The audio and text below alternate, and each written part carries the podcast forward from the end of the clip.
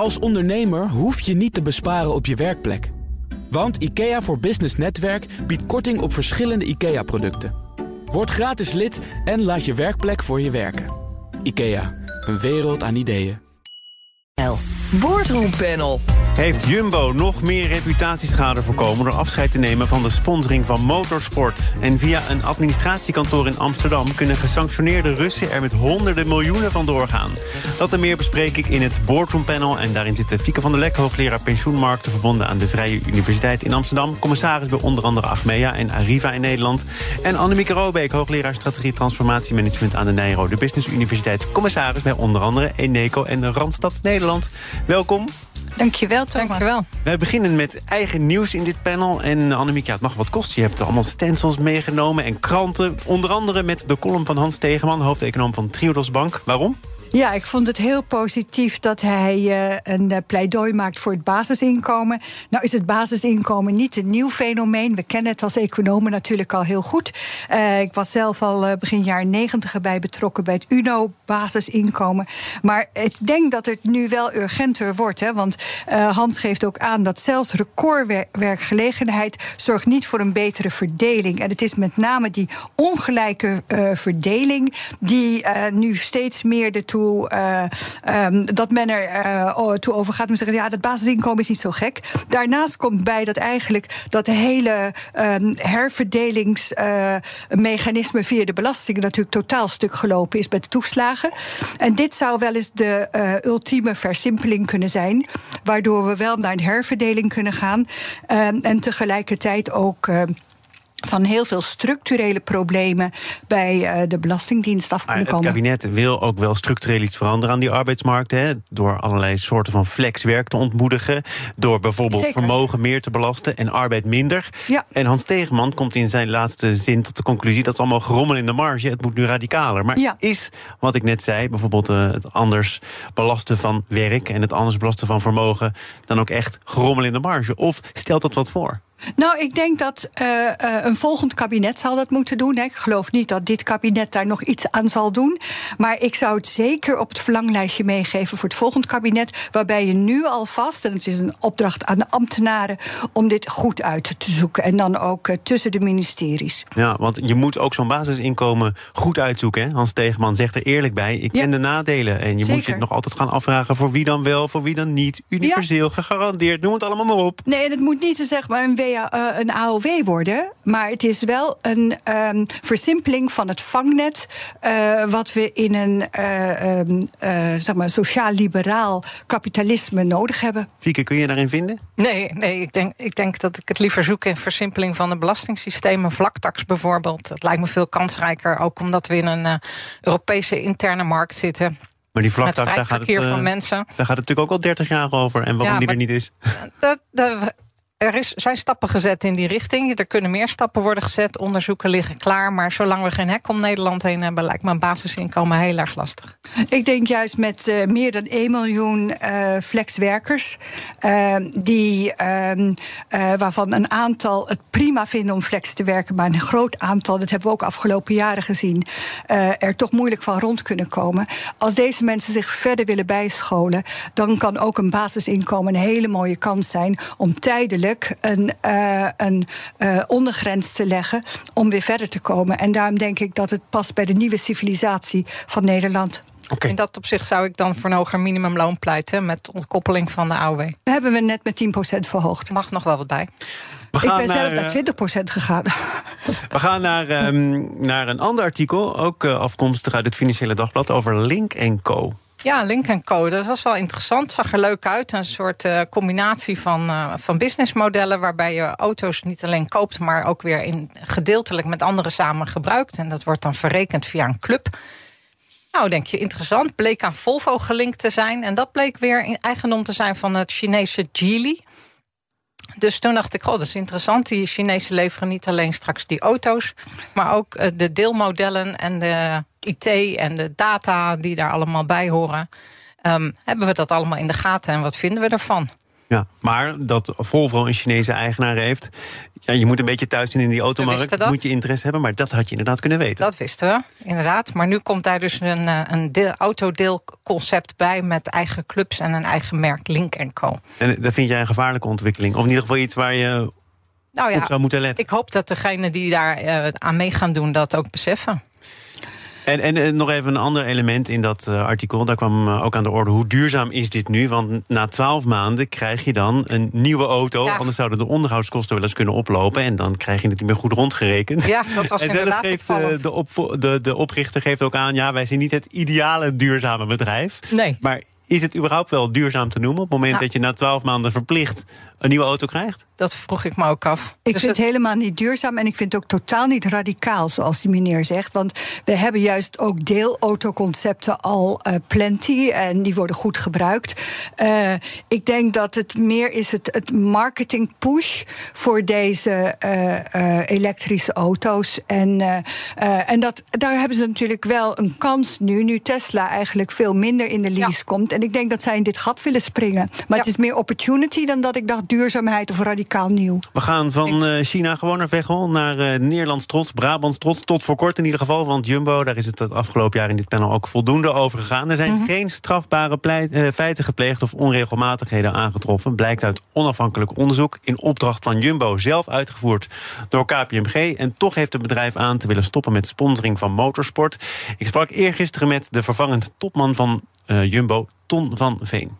Het belangrijkste is, onze raad van commissarissen heeft gezegd, ondanks het feit dat wij op geen enkele manier als Jumbo betrokken zijn bij het onderzoek van het Openbaar Ministerie, we willen toch uitsluiten dat er uh, eventueel binnen Jumbo dingen gebeuren die ontoelaatbaar zijn.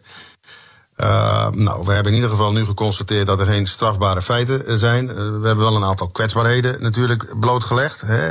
Als je kijkt naar het naleven van procedures en, en, en processen dan zijn er natuurlijk wel op een aantal terreinen eh, verbeteringen noodzakelijk. Eh, om te voorkomen dat dit soort dingen vaker kunnen gebeuren. Want hoewel wij niet betrokken zijn, eh, reputationeel zijn we dat natuurlijk wel. Uh, en ook als we kijken naar bijvoorbeeld onze uh, sponsorbeleid, en dat ziet dan vooral denk ik op, uh, op motocross.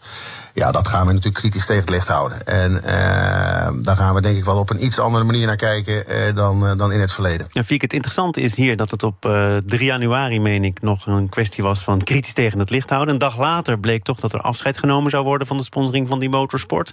Zijn ze er bij Jumbo nou eigenlijk wel goed uit waar ze wel of niet verantwoordelijk voor zijn en waar die kwetsbaarheden dan liggen?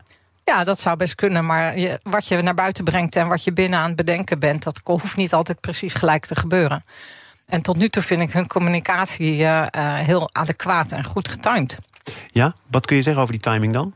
Nou, als je bijvoorbeeld zo'n onderzoek laat doen, dan kan je zeggen: ja, als je beursgenoteerd bent, moet je al vrij snel ermee naar buiten komen. Dan is het koersgevoelige informatie. Er zijn wel mo momenten dat je uitstel mag nemen als dat het publieke opinie niet schaadt en dergelijke. Maar als familiebedrijf ga je even eerst, kun je eerst even kijken van wat gaan we hiermee doen. Uh, en dan is het vrij logisch dat je zegt: hé, hey, die motorsport is nu wel enigszins besmet. Uh, wij ook, die combinatie al helemaal.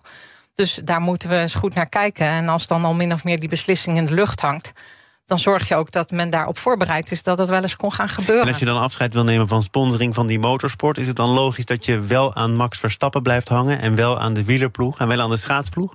Uh, als ik de krant van vandaag goed begrepen, wordt daar nog over nagedacht. Dus dat ze eerst één stap zetten en kijken hoe het verder gaat, dat lijkt me heel verstandig.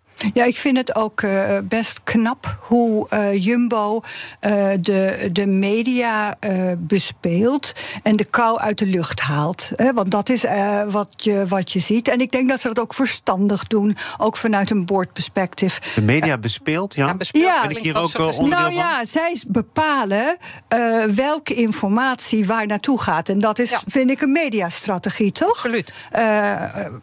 je mag een ander woord voor bespelen voor hebben, maar ik denk, dit was een dat goed. Ja. Um, ik denk aan de andere kant, uh, door juist uh, het zo te regisseren en uh, de kou uit de lucht te nemen voor Jumbo zelf, moet je juist gaan kijken. Waar zit het dan wel? En dat is ook wat de heer Van Veen wel aangeeft. Er zijn wel kwetsbare zaken aangetroffen. maar die zitten natuurlijk meer in de sfeer van het familielid, de uh, Frits van Eert. En dat zijn zeg maar nadere onderzoeken die gedaan moeten worden. Daar hoeft het bedrijf zelf niet mee naar buiten te komen. Maar hier zitten wel de hints natuurlijk voor het OM. En ik denk ook dat je ook vanuit de boardroom moet zeggen: Nou, tot zover kunnen wij gaan. Maar uh, het Openbaar Ministerie, ja, daar, uh, die gaat het nu. Maar vind je oppakken. dat je die scheiding zo duidelijk kunt maken? Namelijk, het gaat hier om meneer Van Veen of Van Eert. Wij zijn niet als Jumbo betrokken. Tegelijkertijd weet je dat zijn zus nog in de Raad van Commissarissen zit. Zijn kwetsbaarheden aangetoond. Is Jumbo degene die tot voor kort dan in die motorsport actief was? Ja. Uh, het is toch niet allemaal zo zwart-wit? Het is toch niet allemaal zo makkelijk uit elkaar te trekken? Nee, is het ook helemaal niet. Het is een weerwar. En dat is nou juist wat het uh, OM uh, met zeg maar heel gedegen onderzoek... wat uh, naar boven moet halen. Maar dat is ander type onderzoek dan wat de accountant gedaan heeft. De accountant heeft uh, meer vanuit de auditrol uh, gekeken. En daar is, uh, en dat lijkt me ook logisch, dat een Frits van Eert is toch een zeer ervaren businessman, dat hij niet um, met de cijfers van Jumbo gaat. Dieke, je moet het wel uit elkaar halen, zie ik een beetje aan ja, jouw gezicht. Nou ja, ik, ik ben het mee eens. Het is, juist in een familiebedrijf is het intrinsiek verbonden. En tegelijkertijd heb je Frits van Eert als mens, als lid van de familie, hm. en Frits van Eert als functionaris die tijdelijk is teruggetreden. Ja. En dat betekent dat dat bedrijf dus ook verder gaat zonder hem voorlopig. En aan de andere kant naar de sponsoring. Hè. Ik denk dat het uh, buitengewoon verstandig is dat men meteen nu, uh, vanochtend stond ook in de krant, dat we gestopt zijn met de motocross. Want dat is zeg maar het besmette deel van de ja. sponsoring. Aan de andere kant, het is natuurlijk ook prachtig dat een bedrijf als Jumbo met Visma uh, eigenlijk voor een clean wielersport gezorgd heeft. En dat ook de schaatsport goed gaat. Ehm, ja, en dan zit natuurlijk het glamour-effect bij Max Verstappen. Maar dat laat ik maar even aan de familie. Dan toch nog even naar uh, de positie van meneer Van Veen. Hm. Het is geen geheim dat hij een stapje terug wilde doen. Hij werd commissaris, hij was de ja. CFO. Daar uh, is hij ook nog altijd heel open in. Het is nog maar de vraag hoe lang hij in deze positie blijft ja. zitten. Dat zal nog wel een tijdje duren, gaf hij in het interview ook aan. Ja. Um, kom je dan als bedrijf ook bijna gedwongen in een soort pauzestand... op het moment dat je toch niet helemaal zeker weet... wie er uiteindelijk de lijnen gaat uitzetten? Nou, ik denk dat je daar wel voor moet opletten. Zeker vanuit de boardroom-perspectief. Want er zijn natuurlijk allerlei bedrijfsprocessen gaande op strategisch niveau, op het gebied van innovaties. En als zich dan zo'n crisis voordoet, want in reputationeel opzicht was het wel een crisis, is het misschien nog steeds, moet je erg opletten dat de aandacht niet allemaal daarheen gaat. Mm. Ik neem even een voorbeeldje. Uh, ze hebben Laplace geacquireerd. Nou, heel veel mensen in mijn omgeving en ik zelf ook denken van wanneer komt Laplace nou weer tot leven? Ja. Uh, misschien ligt het plan al klaar, maar de vraag is of dat soort hoekjes in de organisatie de aandacht krijgen die ze nodig hebben als er crisis is en blijft. Maar hoe groot is die reputationele schade? Als je heel eerlijk bent, hadden we elkaar aan de lijn, meneer Van Veen en ik, omdat ze de 10 miljard omzetgrens hebben beslecht. Ja, maar dat is grotendeels inflatie en dat heeft Van Veen ook keurig toegelicht. Ja, ik Daar vind was dat hij heel open heel over. transparant en eerlijk. Ze hebben zich niet op de borst geklopt. Nee, maar het is niet zo Eh, dat mensen niet langer hun boodschappen bij de Jumbo halen. Wil ik er maar mee aangeven. Nee, ik heb het ook gewoon gedaan. Nee, ja. nee, maar er is dus weinig reputatieschade, zou je kunnen stellen. Nou, ze, de- ze hebben hem ook goed onder controle. Ze hebben het Dat risico ik ook. goed gemanaged. ja. Maar je moet daar als bedrijf altijd wel heel hard aan werken om dat voor elkaar te krijgen. En, en, het, en het is nog lang niet over. Hè? En ik, dat is denk ik ook eerlijk wat eh, gezegd wordt. Want er gaan nog echte beslissingen vallen. En die beslissingen zullen in de personele sfeer zijn. De samenstelling van, eh, de, ehm, van de executive board. De samenstelling van de raad van commissarissen. Eh, want ook daar hadden commissarissen misschien toch... ook in een familiebedrijf waar de lijnen misschien wat korter zijn... wat meer eh, hier aandacht voor kunnen hebben. Dus ik denk dat de consequenties nog wel komen. Naar het strategisch gebied denk ik... nou, het is ook een operationeel bedrijf, hè, een, een Jumbo. Dus, Maar je eh, moet bijvoorbeeld nadenken over welke rol je gaat eh, spelen op het gebied van die flitsbezorging. Hè? We hadden een ja, samenwerking met een bedrijf dat inmiddels overgenomen is. Je hebt strategische leveranciersrelaties. Die moeten vertrouwen in je blijven houden. Maar ze hebben ook gezegd dat ze 06-nummers geven... als je een keten in de aanbieding wil doen. Dus eh, daar staan ze nog wel voor open. We gaan naar deel 2 van dit panel. BNR Nieuwsradio. Zaken doen. Thomas van Zeil. Fieke van der Lek en Annemieke Robeek zijn de leden van het Boardroom Panel. Wij praten over sancties tegen Russische bedrijven... die toch niet zo waterdicht zijn als ze lijken. Zo dreigt een Russische bank via een administratiekantoor... dat gevestigd is in Nederland er vandoor te kunnen gaan... met de honderden miljoenen die de verkoop van een van origine Kroatisch bedrijf kan opleveren. Blijkt uit onderzoek van het FD. Fieke, ik vond alleen al het krantartikel ingewikkeld... maar het geeft meteen ook al aan, die sancties je krijgt het toch niet helemaal dichtgemetseld. Nou ja, dat heeft even tijd nodig. Dat is duidelijk. Die oorlog is al even gaande. Het, uh, we zijn geloof ik op weg naar het zesde of zevende sanctiepakket vanuit Europa. En er worden elke keer nog uh, gaatjes en mazen ontdekt... Uh, die natuurlijk creatief benut worden. Ja. En waarom, uh, want dat is denk ik de fundamentele vraag... die hier ook weer boven hangt, loopt dit nu via Nederland? Ik begrijp dat Kroatische bedrijf is ooit in de problemen gekomen. Toen heeft dat Russische bedrijf, de Sperbank... in plaats van de schuld opgenomen, ook nog certificaten gekregen. Is daarmee de aandeelhouder geworden van dat Kroatische bedrijf. En dat heeft dan een administratiekantoor in Amsterdam. Ja, ik denk dat dat heel erg te maken heeft met uh, vestigingsklimaat. Ik ja. zou zeggen Zuidas. Absoluut. Uh, niet Nederland, maar Zuidas. En we weten ook dat daar uh, de advocatenkantoren zitten die ook de oligarchen bediend hebben. En dit is in feite Houd daar een, een, een na Bijvoorbeeld, maar niet van. alleen. Nee, hè, dus ik denk in dat kader moet je het zien. Nederland heeft altijd gezegd: nou komt u maar hier, u hoeft u helemaal niks te doen. We hebben ook Italiaanse uh, families hier met hun bedrijven en wat we allemaal niet allemaal hier ook aan de beurs genoteerd kunnen hebben. Uh, het is allemaal juridisch zo ontzettend goed geregeld in ons land. Um, en dat is eigenlijk heel kwalijk. En, kan het nou nog steeds, Fieke? Want we hebben inmiddels ook wel wat kabinetten achter de rug zelfs. Hè. Het vorige kabinet -hmm. heeft er ook een punt van gemaakt. Wij moeten het niet meer winnen op basis van fiscale voordeeltjes. Had het nu, anno 2023, nog steeds gekund, denk jij? Nou, er zijn een aantal trustkantoren die schouwschip hebben gemaakt en duidelijk van koers zijn veranderd, maar misschien niet allemaal. Nee, en hier zit ook weer een trustkantoor bij. Uh, ja, zeker. Uh, ja. Dat is dat Zuidas klimaat. Van ja. nou, wij regelen het. Wij regelen het wel. De, ja. de handelsgeest van Nederland. M maar wat ik nog eigenlijk interessanter vond aan dit artikel... Hè, want dat is eigenlijk onze rol in het boardroom panel... om nog wat dieper te graven. Ik vind dat de, uh, dat, dat ook die, die rol van die Gazprombank is. Die hebben wij... nee, ik heb het ook genoemd. Het is een gaat uh, een geitenpadje uh, vol met keutels. En, um, en die keutels komen aan de ene kant van de Zuidas, hè, met al die structuren, aan de andere kant van Gazprom. En hier wordt het interessant, want ik denk dat dit dus een Europese zaak moet worden, want dit gaan we niet in Nederland oplossen. Nou, dan toch nog even voor de mensen die dat artikel niet helemaal hebben gelezen.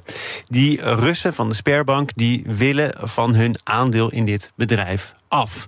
Maar alles is zo goed uh, en zo kwaad als het gaat bevroren. Sterker nog, ze hadden ook geen stemrecht. Meenden althans de andere eigenaren van dit bedrijf op de ja. aandeelhoudersvergadering. Dat is ook een hele juridische kwestie geworden. Maar wat hebben ze nu gedaan? Ze hebben hun aandeel, hun certificaten verstopt in een uh, nieuwe houdstermaatschappij. Ja.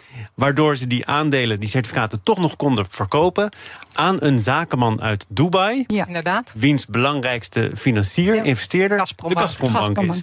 En nou ja, ik, ik sta versteld van zo zoveel slimmigheden. En Gazprombank stond niet op de sanctielijst... omdat Precies. we daar nog de gasbetalingen moesten kunnen ja, doen. En dus vind ik het met name ook uh, de misleiding vanuit Gazprombank. En daar vind ik dat Europa ook een stokje voor kan steken.